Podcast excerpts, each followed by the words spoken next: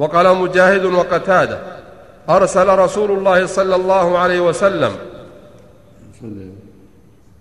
الوليد بن عقبة إلى بني المصطلق ليصدقهم. فتلقوه بالصدقة. فرجع فقال إن بني المصطلق قد جمعت لك لتقاتلك. زاد قتادة وإنهم قد ارتدوا عن الإسلام. فبعث رسول الله صلى الله عليه وسلم خالد بن الوليد رضي الله عنه إليهم وأمره أن يتثبت ولا يعجل.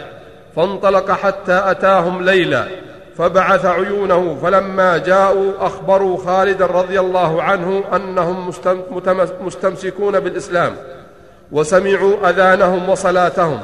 فلما أصبحوا أتاهم خالد رضي الله عنه فرأى الذي يعجبه. فرجع إلى رسول الله صلى الله عليه وسلم فأخبره الخبر فأنزل الله تعالى هذه الآية قال قتادة فكان رسول الله صلى الله عليه وسلم يقول التثبت من الله والعجلة من الشيطان. وكذا ذكر غير واحد من السلف منهم ابن أبي ليلى ويزيد بن رومان والضحاك ومقاتل بن حيان وغيرهم في هذه الآية أنها نزلت في الوليد بن عقبة والله أعلم. وقوله تعالى واعلموا أن فيكم رسول الله. نعم ما شاء وقوله تعالى واعلموا أن فيكم رسول الله. حتى لا يؤخذ أحد إلا بحق. نعم. في الرواية والشهاده في الروايات والشهادات وسائر الأخبار التي لها أهمية. أما لما لها أهمية مجمل هذه الأخبار يدل على أنها نزلت في الوليد؟ كلها فيها ضعف محل نظر نعم. بالنسبة لقول قول العلماء إطلاق أن الصحابة كلهم عدول وفسوق الوليد بن عقبة. كيف يمكن الجمع بينهم؟ الاصل ان عدل الا ان تثبت الرواية قد قد يكون لو صحت عنها قد يكون تابع منها. لكن في صحتها نظر. نعم. وقوله تعالى واعلموا أن فيكم رسول الله. أي اعلموا ان أن بين أظهركم رسول الله صلى الله عليه وسلم فعظموه ووقروه وتأدبوا معه. وانقادوا لأمره فإنه أعلم بمصالحكم وأشفق عليكم منكم. ورأيه فيكم أتم من رأيكم من رأي من رأيكم لأنفسكم. كما قال تبارك وتعالى النبي أولى بالمؤمنين من أنفسهم. ثم بين أن رأيهم سخيف بالنسبة إلى مراعاة مصالحهم فقال لو يطيعكم في كثير من الأمر لعنتم. أي لو أطاعكم في جميع ما تختارونه لأدى ذلك إلى عنتكم وحرجكم. كما قال سبحانه وتعالى ولو اتبع الحق أهواءهم لفسدت السماوات والأرض ومن فيهن بل أتيناهم بذكرهم فهم عن ذكرهم معرضون. وقوله عز وجل ولكن الله حبب إليكم الإيمان وزينه في قلوبكم. أي حببه إلى نفوسكم وحسنه في قلوبكم.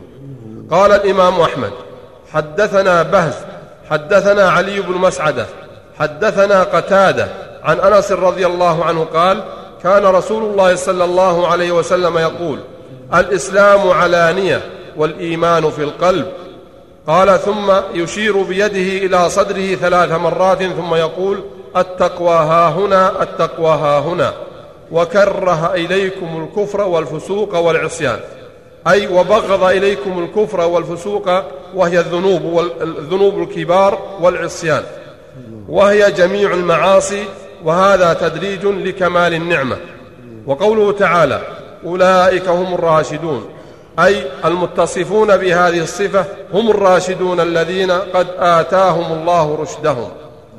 قال الإمام أحمد حدثنا مروان بن معاوية الفزاري حدثنا عبد الواحد بن أيمن المكي عن أبي رفاعة الزرقي عن أبيه قال لما كان يوم أحد وانكفأ المسلم لما كان يوم أحد انكفأ المشركون. وانكفأ المشركون قال رسول الله صلى الله عليه وسلم استووا حتى أثني على ربي عز وجل فصاروا خلفه صفوفا. فقال فقال صلى الله عليه وسلم اللهم لك الحمد كله اللهم لا قابض لما بسطت ولا باسط لما قبضت ولا هادي لمن أضللت ولا مضل لمن هديت ولا معطي لما منعت ولا مانع لما أعطيت ولا مقرب لما باعدت ولا مباعد لما قربت. اللهم ابسط علينا من بركاتك ورحمتك وفضلك ورزقك. اللهم إني أسألك النعيم المقيم الذي لا يحول ولا يزول. اللهم أسألك النعيم يوم العيلة والأمن يوم الخوف. اللهم إني عائذ بك من شر ما أعطيتنا ومن شر ما منعتنا. اللهم حبب إلينا الإيمان وزينه في قلوبنا وكره إلينا الكفر والفسوق والعصيان واجعلنا من الراشدين. اللهم توفنا مسلمين. وأحينا مسلمين وألحقنا بالصالحين غير خزايا ولا مفتونين. اللهم قاتل الكفرة الذين يكذبون رسلك ويصدون عن سبيلك واجعل عليهم رجزك وعذابك.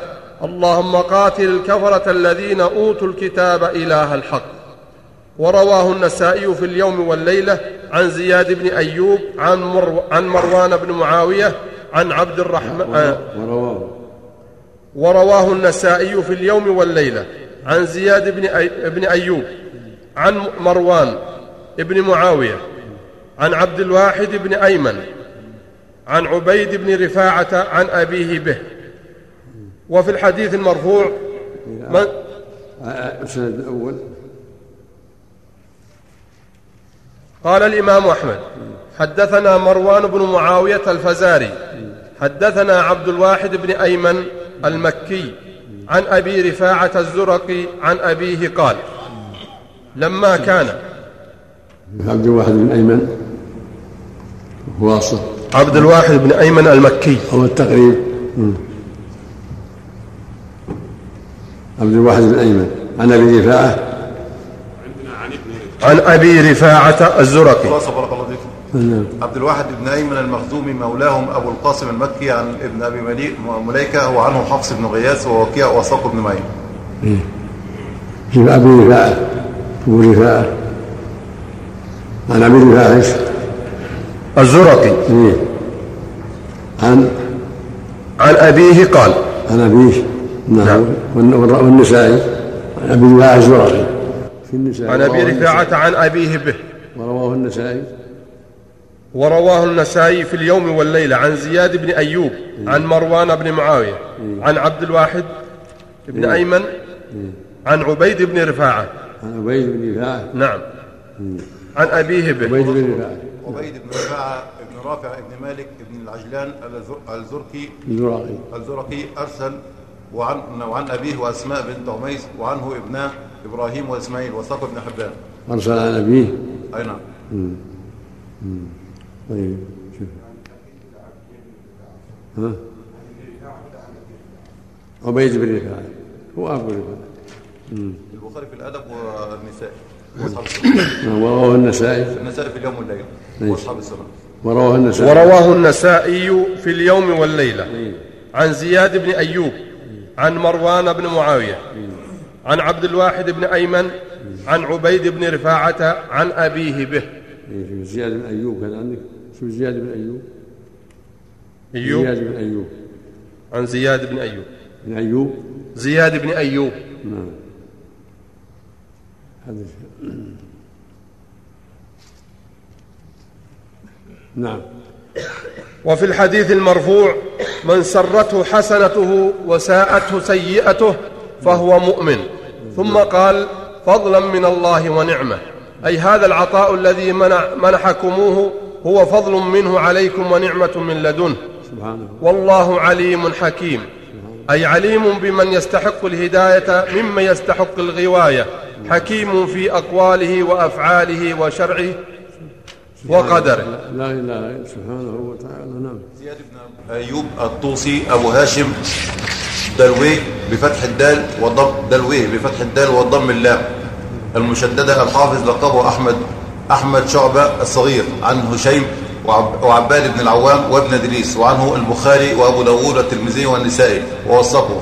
قال ابن قانع توفى سنة 52 و200 ومولده سنة 66 سنة 66 عندك عندك؟ تقريب نعم زياد بن ايوب زياد البغدادي وهاشم طوس ناصر نعم هاشم روسي الأصل. يلقب باللوي وكان يغضب بها. لقبه أحمد شعب الصغير ثقة حاكم من الهاشم مات سنة 52 وله 86 سنة. البخاري والأدب والترمذي بارك الله. نعم. جيد لا بأس نعم. طبعا صفهم ليدعو عبيد بن رفاعة الزراقي تقريب عبيد بن رفاعة الزراقي أبو رفاعة. ما أعرف. أو ما أعرف حسن عفى الله عنك. صفه إيه. عبيد بن رفاعة بن رافع بن مالك الأنصاري الزهري ويقال فيه عبيد الله. ولد في عهد النبي صلى الله عليه وسلم وانتصر في البخاري في الأدب والأربعة طيب. رحمه الله. نعم. صفهم بهم عفى الله. عنك. نعم. صفهم للدعاء يؤمن على دعائه يعني. نعم. أقول النبي صلى الله عليه وسلم نعم. للتعليل على الدعاء بارك الله فيكم. تر- ترجمة الوليد بن عقبة. في الخلاصة الوليد بن عقبة بن أبي معيط الأموي ابن مسلمة من مسلمة الفتح له حديث وعن الشعبي قال ابن عبد البر لم يروي سنة يحتاج إليها. وقال الأسماعي وأبو لم يروي. لم يروي سنة يحتاج يحتاج إليه يحتاج إليها. وقال الأسماعي وأبو عبيدة وابن الكلبي كان فاسقا شريبا شاعرا. أبو داود بس. بس نعم. يروى أنه كان يشرب الخمر. محل الله إذا هو بارك الله فيكم يحكم عليه بالضعف ولا بال بهذا الكلام في الخلاصة؟ مثل ما قاصد المؤلف لم يروي حديث لم يروي حديث يحتاج إليه أو ما روى حديث يحتاج إليه. نعم. صلى الله عليه وسلم هل عاقبه النبي صلى الله عليه وسلم في كلامه؟ نعم. هل عاقب النبي؟ المقصود في صحة النظر ما, ما ثبت عندنا صحة الخبر نعم إيه. يقول الوليد بن عقبه بن معيط كذلك بن عمرو اخوان اميه في عبد شمس بن عبد الله الاموي ابو عثمان بن عفان لامه إيه. امهما اروى بنت قريش بن ربيعه بن حبيب بن عبد شمس وامها البيضاء بن عبد المطلب ابن ابا وهب قتل ابوه بعد الفراغ من غزوه بدر صبرا وكان شديدا على المسلمين كثير الاذى لرسول الله صلى الله عليه وسلم كان ابن اسر ببدر فامر النبي صلى الله عليه وسلم بقتله فقال يا محمد من الصبيه؟ قال النار واسلم الوليد واخوه قماره يوم البدر ويقال انه نزل فيه يا ايها الذين امنوا ان جاءكم فاسق بنبأ فتبينوا الايه قال ابن عبد البر لا خلاف بين أهل العلم في تاويل القران انها نزلت فيه وذلك ان رسول الله صلى الله عليه وسلم بعده كأنها أخذها من كثرة الطرق مم. مم. يشد بعض الأغراض منها نعم بعده مصدقا إلى بني المصطلق فعاد فاخبر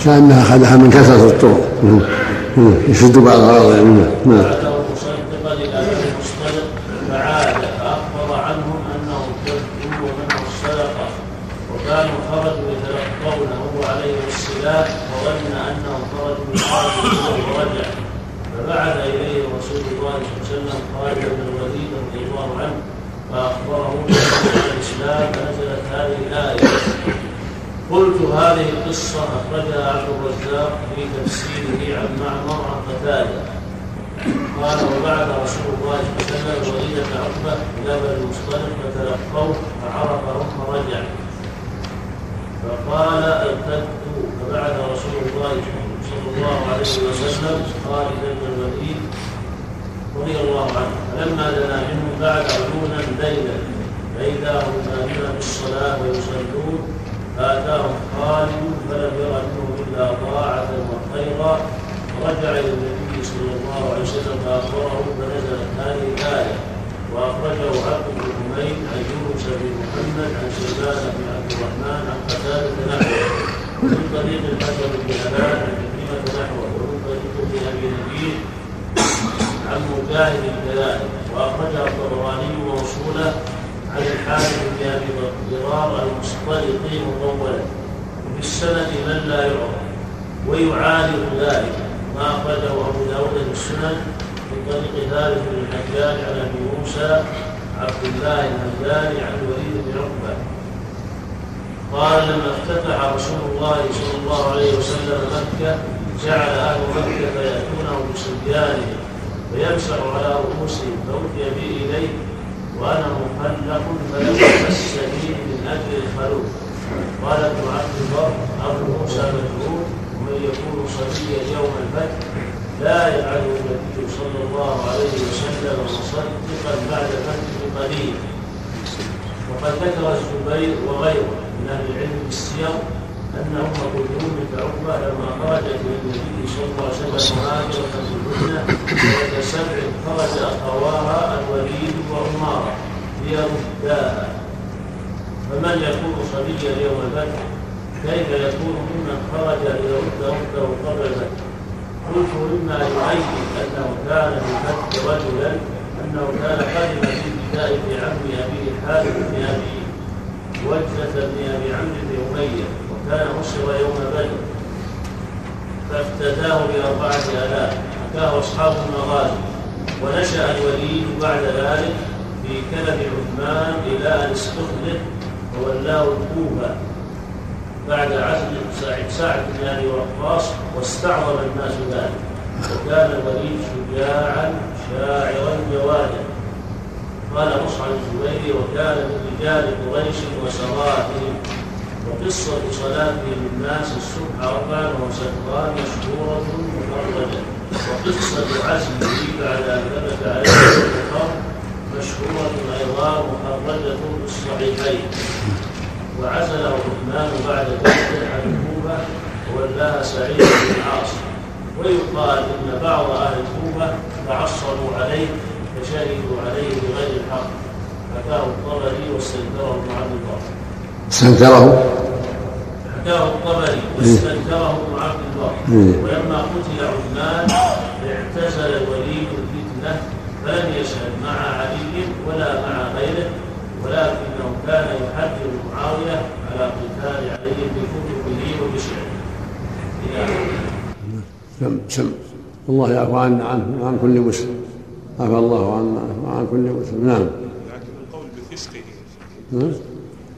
يقول ابن عبد البر لا خلاف انها نزلت فيه والله أعلم. نعم. يعني أليس على طالب العلم أن يتورع.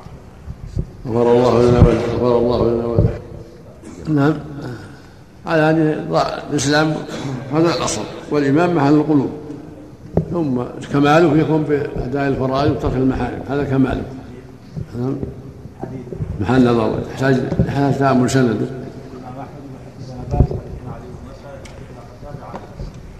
حدث إيش؟ حدثنا علي بن مسعد حدثنا قتاده عن انس رضي الله عنه كان رسول يقول الاسلام والحلال مع معنى المعنى الصحيح الإسلام هو العلانيه والإيمان محله القلوب. ثم إذا قوي الإيمان ظهر على الجوارح وكمل الإيمان. لكن أصل الإيمان في القلب. علي بن مسعد كذا؟ نشوف علي بن مسعد التقريب. أحسن الله إليك. علي بن مسعد احسن الله علي بن اليك مسعد. تدالى من أصحاب أنس قد هذا من أصحاب أنس. روى عنه كثيرا. آسيا صغيرة نعم. وقال الهيثمي في المجمع رجال ورجال الصحيح ما قال علي بن مسعدة وقد وقعه ابن حبان وأبو داود الطيالسي وأبو حاتم وابن معين وضعفه آخرون. خلاصة. نعم. علي علي بن مسعدة الباهلي أبو حبيب البصري عن قتادة وعاصم الحجري وعنه بهز ابن ابن أسد وابن مهدي وصفوى أبو داوود الطيالسي وقال أبو حاتم لا بأس به وقال النسائي ليس بالقوي. البخاري في الأدب والترمذي وابن ماجه. تقريب مسعد الباهلي أبو حبيب البصري صدوق له أوهام من السادة. البخاري في الأدب والترمذي وابن ماجه. نعم. فيه بعض اللين على هذا. لكن معناه الصحيح المعنى صحيح. الإسلام هو العلانية والإيمان محله القلوب وإذا كون الإيمان استقامت الجوارح. وإن طائفتان من المؤمنين اقتتلوا فأصلحوا بينهما فإن بغت إحداهما على الأخرى فإن بغت إحداهما على الأخرى فقاتلوا التي تبغي فقاتلوا التي تبغي حتى تفيء إلى أمر الله. فإن فاءت فأصلحوا بينهما بالعدل وأقسطوا. إن الله يحب المقسطين. إنما المؤمنون إخوة فأصلحوا بين أخويكم واتقوا الله لعلكم ترحمون. يقول تعالى آمرا بالإصلاح بين الفئتين الباغيتين بعضهم على بعض وإن طائفتان من المؤمنين اقتتلوا فأصلحوا بينهما فسماهم مؤمنين مع الاقتتال. وبهذا استدل البخاري وغيره على أنه لا يخرج عن الإيمان بالمعصية وإن عظمت. لا كما يقوله الخوارج. الحق عند أهل السنة والجماعة.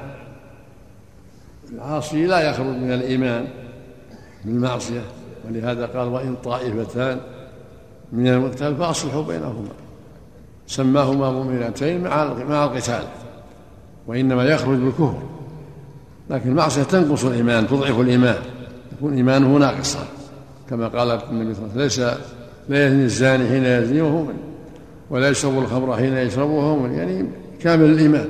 بل بل إيمانه ناقص. نعم. لا كما يقوله الخوارج ومن تابعهم من المعتزلة ونحوهم.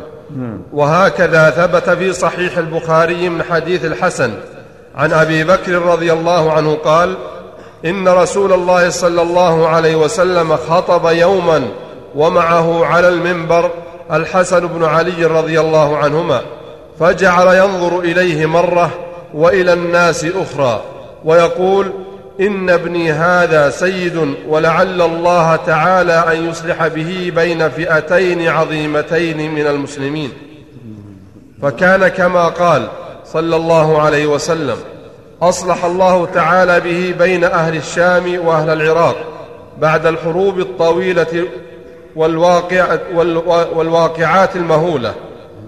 وقوله جرى- تعالى كما جرى يوم الجمل صفين ثم أصلح الله بالحسن. تنازل لمعاوية واستقرت الأمور وطبيعة الفتن رضي الله عنه أكبر. وقوله تعالى فإن بغت إحداهما على الأخرى فقاتلوا التي تبغي حتى تفيء إلى أمر الله أي حتى ترجع إلى أمر الله ورسوله وتسمع للحق وتطيعه. كما ثبت في الصحيح عن أنس رضي الله عنه أن رسول الله صلى الله عليه وسلم قال أنصر أخاك ظالما أو مظلوما. قلت يا رسول الله هذا نصرته مظلوما فكيف أنصره ظالما؟ قال صلى الله عليه وسلم تمنعه من الظلم فذاك نصرك إياه. وقال الإمام أحمد حدثنا عارم حدثنا معتمر قال سمعت أبي يحدث أن أنسا رضي الله عنه قال قيل للنبي صلى الله عليه وسلم لو أتيت عبد الله بن أبي فانطلق. فانطلق إليه النبي صلى الله عليه وسلم وركب حمارا وانطلق المسلمون يمشون وهي أرض سبخة. فلما انطلق النبي صلى الله عليه وسلم إليه قال إليك عني فوالله لقد آذاني ريح حمارك. ريح. ريح حمارك. فقال رجل من الأنصار والله لحمار رسول الله صلى الله عليه وسلم أطيب أطيب ريحا منك. أطيب. أطيب ريحا منك. قال فغضب لعبد الله رجال من قومه فغضب لكل واحد منهما, منه منهما أصحابه. قال فكان بينهم ضرب بالجريد والأيدي والنعال. فبلغنا أنه نزلت فيهم. وإن طائفتان من المؤمنين اقتتلوا فأصلحوا بينهما. ورواه البخاري في الصلح عن مسدد ومسلم في المغازي وعن محمد بن عبد الأعلى كلاهما عن المعتمر بن سليمان عن أبيه به نحوه. وروى رواه البخاري. ورواه البخاري في الصلح عن مسدد ومسلم في المغازي عن محمد بن عبد الأعلى كلاهما عن المعتمر بن سليمان عن أبيه به نحوه. وذكر سعيد بن جبير أن الأوس والخزرج كان بينهما قتال بالسعف والنعال فأنزل الله تعالى هذه الآية فأمر بالصلح بينهما. وقال السدي كان رجل من الأنصار يقال له عمران كانت له امرأة تدعى أم زيد وإن المرأة أرادت أن تزور أهلها فحبسها زوجها وجعلها في علية له. لا يدخل عليها أحد من أهلها وإن المرأة بعثت إلى أهلها فجاء قومها وأنزلوها لينطلقوا بها وإن الرجل كان قد خرج فاستعان أهل الرجل فجاء بنو عمه ليحولوا بين المرأة وبين أهلها فتدافعوا واجتلدوا بالنعال فنزلت فيهم هذه الآية. فبعث إليهم رسول الله صلى الله عليه وسلم وأصلح بينهم وفاءوا إلى أمر الله تعالى. وقوله عز وجل فإن فاءت فأصلحوا بينهما بالعدل وأقسطوا إن الله يحب المقسطين هو عند النزاع الإصلاح بين الطائفتين بما يدفع الشر ويجمع القلوب ويزيل الفتنة. وهذا أمر لازم بين المسلمين. انصر أخاك ظالما أو مظلوما. فإذا رسول الله نصرته مظلوما فكيف أنصره ظالما؟ قال تحجيزه عن الظلم. نصر نصر الظالم حجزه ومنعه يتنازع الأولاد أو الإخوة أو الجيران. فالواجب نصر المظلوم وردع الظالم بحسب الاستطاعة حتى تطفأ الفتن فيتوسط. أهل الخير بين الجميع بمنع الظالم عن ظلمه ونصيحته كفه عن ظلمه حتى تطفأ الفتنة. وهكذا فعل الحسن رضي الله عنه. نعم. نعم. هل يأتم القاتل على ذلك بينهم نزاع واحد أبت يحجزها عن الظلم. بينهم نزاع توسط بينهم حتى يكف الظالم عن ظلمه حتى تهدها الأمور. لو أحد الطائفتين أبت الصلح تقاتل؟ نعم. مثل ما قال فقاتلوا التي تبغي. قاتلها ولي الأمر. نعم والقاتل من الطائفة هذه يأثم على قتل رجل من الطائفة التي أبت؟ المأمور ما, ما يأثم. يأثم العاصي. نعم. أيعدل أيعدلوا بينهما فيما كان أصاب بعضهم لبعض بالقسط وهو العدل. إن الله يحب المقسطين. قال ابن أبي حاتم حدثنا أبو زرعة حدثنا محمد بن أبي بكر المقدمي. المقدمي المقدمي.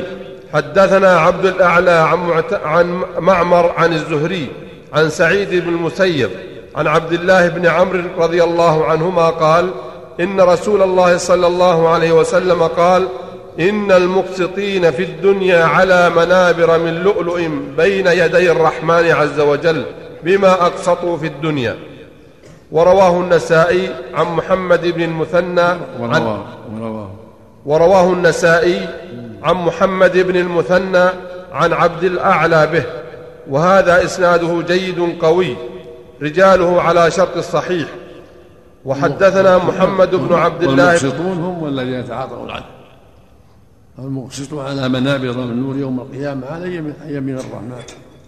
وهم الذين يعدلون في حكمهم وأهليهم وما ولوا هو المقسط نعم. وحدثنا محمد بن عبد الله بن يزيد حدثنا سفيان بن عيينة عن عمرو بن دينار عن عمرو بن أوس عن عبد الله بن عمرو رضي الله عنهما عن النبي صلى الله عليه وسلم قال المقسطون عند الله تعالى يوم القيامة على منابر من نور على يمين العرش الذين يعدلون على يمين. نعم. على يمين. على يمين العرش. رواية أخرى عن يمين الرحمن. نعم نعم. الذين يعدلون في حكمهم وأهاليهم وما ولوا. نعم. ورواه مسلم والنسائي من حديث سفيان بن عيينة به. وقوله تعالى إنما المؤمنون إخوة. أي الجميع أخوة في الدين. كما قال رسول الله صلى الله عليه وسلم المسلم أخو المسلم. لا يظلمه ولا يسلمه. وفي الصحيح والله في عون العبد ما كان العبد في عون أخيه. وفي الصحيح أيضا إذا دعا المسلم لأخيه بظهر الغيب قال الملك آمين ولك بمثله. والأحاديث في هذا كثيرة. وفي الصحيح مثل المؤمنين في توادهم وتراحمهم وتواصلهم كمثل الجسد الواحد. إذا اشتكى منه عضو تداعى له سائر الجسد بالحمى والسهر. وفي الصحيح أيضا المؤمن للمؤمن كالبنيان يشد بعضه بعضا وشبك بين أصابعه صلى الله عليه وسلم. وقال أحمد حدثنا أحمد بن الحجاج حدثنا عبد الله أخبرنا مصعب بن ثابت حدثني أبو حازم قال سمعت سهل بن سعد الساعدي رضي الله عنه يحدث عن رسول الله صلى الله عليه وسلم قال إن المؤمنين من أهل الإيمان بمنزلة الرأس من الجسد يألم المؤمن لأهل الإيمان كما يألم الجسد لما في الرأس. تفرد به أحمد ولا بأس بإسناده. وقوله تعالى فأصلحوا بين أخويكم يعني الفئتين المتقاتلتين.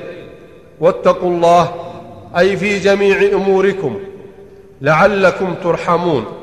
وهذا تحقيق منه تعالى للرحمة لمن اتقاه. يا أيها الذين آمنوا لا يسخر قوم من قوم عسى أن يكونوا خيرا منهم ولا نساء من نساء عسى أن يكن خيرا منهن. اللهم صل نعم. إيش؟ يقول لو حلف وقال يمين الله ما فعلت لا ما يحلف بيمين الله. وإن حلف فلا بيمين اللي يحرم بالصفات الصفات يجب يحلف بالصفات وعلم الله وقدرة الله. أما هذا يمين الله مو بحلف أول من واو؟ والله أو بالله أو تالله والله حروف القسم. يا أيها الذين آمنوا لا يسخر قوم من قوم عسى أن يكونوا خيرا منهم ولا نساء من نساء عسى أن يكن خيرا منهن ولا تلمزوا أنفسكم ولا تنابزوا بالألقاب. بئس الاسم الفسوق بعد الإيمان ومن لم يتب فأولئك هم الظالمون. ينهى تعالى عن السخرية بالناس وهم وهو احتقارهم والاستهزاء بهم. كما ثبت في الصحيح عن رسول الله صلى الله عليه وسلم أنه قال الكبر بطر الحق وغمط الناس وغمص الناس. ويروى وغمط الناس. والمراد من ذلك احتقارهم واستصغارهم. وهذا حرام. فإنه قد يكون المحتقر أعظم قدرا عند الله تعالى. وأحب إليه من الساخر منه المحتقر له. ولهذا قال تعالى يا أيها الذين آمنوا لا يسخر قوم من قوم عسى أن يكونوا خيرا منهم. ولا نساء من نساء عسى أن يكن خيرا منهن. فنص على نهي الرجال وعطف بنهي النساء. وقوله تبارك وتعالى ولا تلمزوا أنفسكم. أي لا تلمزوا الناس. والهماز اللماز من الرجال مذموم ملعون. كما قال تعالى ويل لكل همزة لمزة. والهمز بالفعل واللمز بالقول. كما قال عز وجل هماز مشاء بنميم أي يحتكر الناس ويهمزهم طاغيا عليهم ويمشي بينهم بالنميمة وهي اللمز بالمقال. ولهذا قالها هنا ولا تلمزوا أنفسكم. كما قال ولا يعني, تقتلوا يعني لا يلمز بعضكم بعضا. مثل ما ولا تقتلوا أنفسكم. يعني لا يقتل بعضكم بعضا. نعم. نعم. ما أذكر شيء. نعم. كما قال ولا تقتلوا أنفسكم. أي لا يقتل بعضكم بعضا. قال ابن عباس ومجاهد وسعيد بن جبير وقتادة ومقاتل بن حيان ولا تلمزوا أنفسكم. أي لا يطعن بعضكم على بعض. وقوله تعالى ولا تنابزوا بالألقاب. أي لا تداعوا بالألقاب وهي التي يسوء الشخص سماعها. قال الإمام أحمد حدثنا إسماعيل حدثنا داود بن أبي هند عن الشعبي قال حدثني أبو جبيرة ابن الضحاك قال فينا نزلت في بني سلمة ولا تنابزوا بالألقاب. قال قدم رسول الله صلى الله عليه وسلم المدينة وليس فينا رجل إلا وله اسمان أو ثلاثة. فكان إذا دعا أحدا منهم فكان إذا دعي دعا أحدا منهم باسم من تلك من تلك الأسماء قالوا يا رسول الله إنه يغضب من هذا. فنزلت ولا تنابزوا بالألقاب. ورواه أبو داود عن موسى بن إسماعيل عن وهب عن وهب عن داود به. وقوله جل وعلا وهذا هو الواجب على المسلمين الحذر من هذه الأشياء التي تسبب البغضاء والعداوة. السخرية واللمس من أسباب العداوة والبغضاء. ولهذا نهى الله عن هذا. لا يجوز للمسلم أن يلمز أخاه ولا أن يتنابز معه بالألقاب ولا يسخر منه لأن السخرية والاستهزاء من أسباب البغضاء والعداوة واللمز كذلك وهو أن يعيبه بالقول أو بالعمل سواء بالإشارة بشفتة أو بعينه أو بأصابعه أو بالكلام. وهكذا التناول بالألقاب يا حمار يا كلب يا دجاجة يا خبيث يا كل هذا لا يجوز لأنها كلها تسبب البغضاء والعداوة والشحن. نعم. وقوله جل وعلا بئس الاسم الفسوق بعد الإيمان أي بئس الصفة والاسم الفسوق وهو التنابز بالألقاب كما كان أهل الجاهلية يتناعتون بعدما دخل يتناعتون بعدما دخلتم في الإسلام وعقلتموه ومن لم يتب أي من هذا فأولئك هم الظالمون. يعني الواجب من كل ذنب التوبة والندم والإقلاع وعدم العودة. ومن لم يتب فهو ظالم. نسأل الله العافية. نعم. الله عنك إذا قال له يا كلب إن التنابز بالألقاب نعم نعم. التي يكرهها يعني. نعم. إذا دعاه بالشيء الذي يكرهه. كلب ولا حمار ولا عجل ولا ثور ولا بقرة ولا نعم. إذا اشتهر ناس باللقب حتى صار اسما لهم. إذا كان لقب له ما يكرهه لا بأس. إذا كان لا يكرهه نعم. التنابز بالألقاب هو المعروف عندنا العيارة. نعم. يعيره نعم.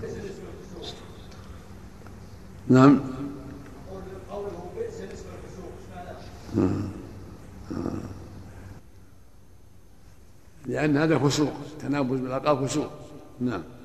يا أيها الذين آمنوا اجتنبوا كثيرا من الظن إن بعض الظن إثم ولا تجسسوا ولا يغتب بعضكم بعضا أيحب أحدكم أن يأكل لحم أخيه ميتا فكرهتموه واتقوا الله إن الله تواب رحيم يقول تعالى ناهيا عباده المؤمنين عن كثير من الظن وهو التهمة والتخون للأهل والأقارب والناس في غير محله لأن بعض ذلك يكون إثما محضا فليتجنب كثير منه احتياطا.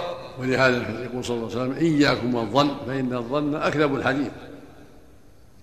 الواجب على المؤمن أن يحذر شر لسانه وشر ظنه بأخيه وأن يحسن به الظن. ما لم يتبين خلاف ذلك. نعم. وروينا عن أمير المؤمنين عمر بن الخطاب رضي الله عنه أنه قال ولا تظنن بكلمة خرجت من أخيك المؤمن إلا خيرا وأنت تجد لها في الخير محملة. هذا هو الذي ينبغي بين المؤمنين. حسن الظن حمل الكلام على أحسنه. ولهذا يروى عن عمر رضي الله عنه قال لا تظن بكلمة صدرت من أخيك شرا وأنت تجد لها في خير محملة. يعني مهما أمكن حمل كلام أخيك على السلامة فهو, فهو أولى. حفاظا على المودة والمحبة وعدم التهاجر. نعم. وقال أبو عبد الله بن ماجه حدثنا أبو القاسم بن أبي ضمرة نصر بن محمد بن سليمان الحمصي. حدثنا أبي حدثنا عبد الله بن أبي قيس النضري. حدثنا عبد الله بن عمر رضي الله عنهما قال رأيت النبي صلى الله عندكم بالصاد حدثنا إيش؟ حدثنا أبو القاسم بن أبي ضمرة إيه. نصر بن محمد بن سليمان الحمصي. نعم. حدثنا أبي حدثنا عبد الله بن أبي قيس النضري. عبد الله بن أبي قيس. النضري. شو التقييد؟ النصري بارك الله فيك خلاص. بالصاد عبد الله بن أبي قيس النصري بالنون أبو الأسود الحمصي. عن أبي ذر وعنه محمد بن زياد ومعاوية بن صالح وفقه النسائي. ما ما ضبط ما ضبط الصاد. بس بقى بالنون في التقريب عبد الله بن أبي قيس النصري أو النضري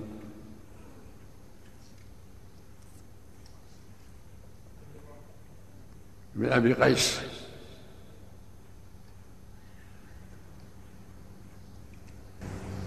الله بن أبي قيس يقال ويقال ابن قيس ويقال ابن أبي موسى ابو الأسود النصري. بالنون الحمصي ثقة خضرا من الثالث خارج إيش؟ مخضرم نعم ثقة الثالث غير غيره. عندك غيره؟ من أبي قيس ما في غير ها؟ ما في غير في ابن قيس نعم نعم شو عندك؟ نعم. عن عبد الله بن عباس حدثنا أبو القاسم بن أبي ضمرة نصر بن محمد بن سليمان الحمصي. حدثنا أبي. حدثنا عبد الله بن أبي قيس النضري. النص يحطها بالصاد. ما دام عندهم كذا نعم. أجل النقطه نعم. حدثنا عبد الله بن عمر رضي الله عنهما قال رأيت النبي صلى الله عليه وسلم يطوف بالكعبة ويقول ما أطيبك وأطيب ريحك ما أعظمك وأعظم حرمتك والذي نفس محمد بيده لحرمة المؤمن أعظم عند الله تعالى من حرمة من أعظم عند الله تعالى حرمة منك. ماله وذمه وأن يظن به إلا خيرا. حدثنا أعيد السند حدثنا عبد الله بن عمر.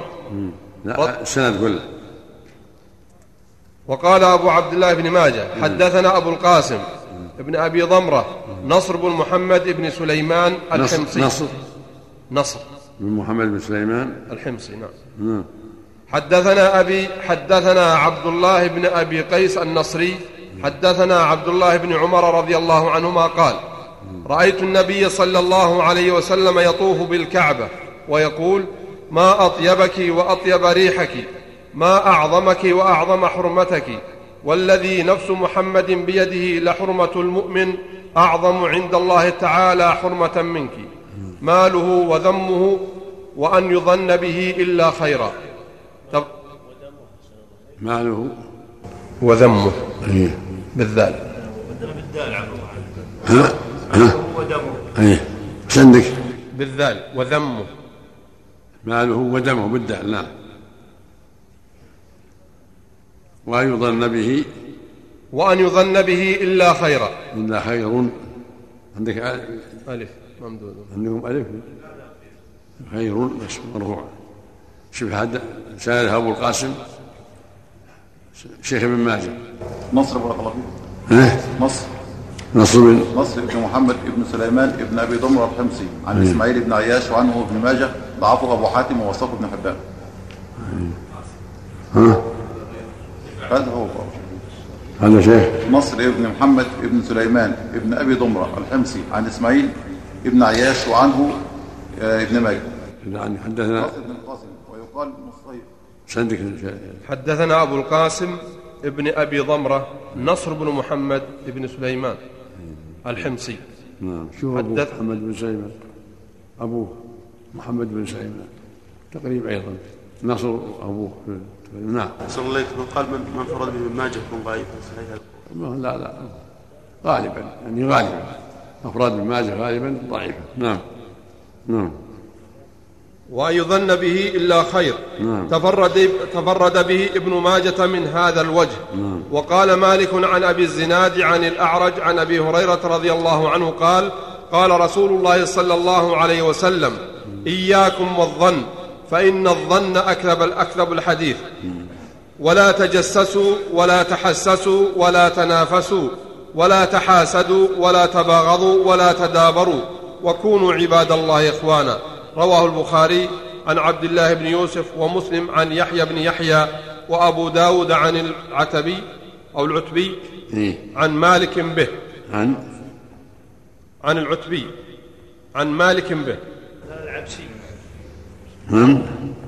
عن العتبي. إيش عندكم؟ نعم. العتبي أو العتبي. رواه إيش؟ رواه إيش؟ رواه البخاري عن عبد الله بن يوسف ومسلم عن يحيى بن يحيى وأبو داود عن العتبي عن مالك به. أبو عتبي كذا؟ مشرق العبسي. محتمل. ثم يرجع إلى الشيخ الشيخ أبي أبي داوود كذا. وأبو داود عن العتبي من بعده. نعم. أمر سهل. نعم. محمد بن سليمان بارك الله فيك. ها؟ محمد بن سليمان. إيه. محمد بن سليمان ابن أبي ضمره السلمي النصري السلمي. السلمي. السلمي النصري نون أبو ضمرة الحمصي القاص القاضي أو القاص. عن أبيه وعبد الله بن أبي قيس وعنه الليث ويحيى. عن عن أبيه مم. وعبد الله بن أبي قيس وعنه الليث ويحيى بن صالح وساق بن حبان. ابن ماجه. بعد كان وعنه ابنه؟ ما ما ما ذكر.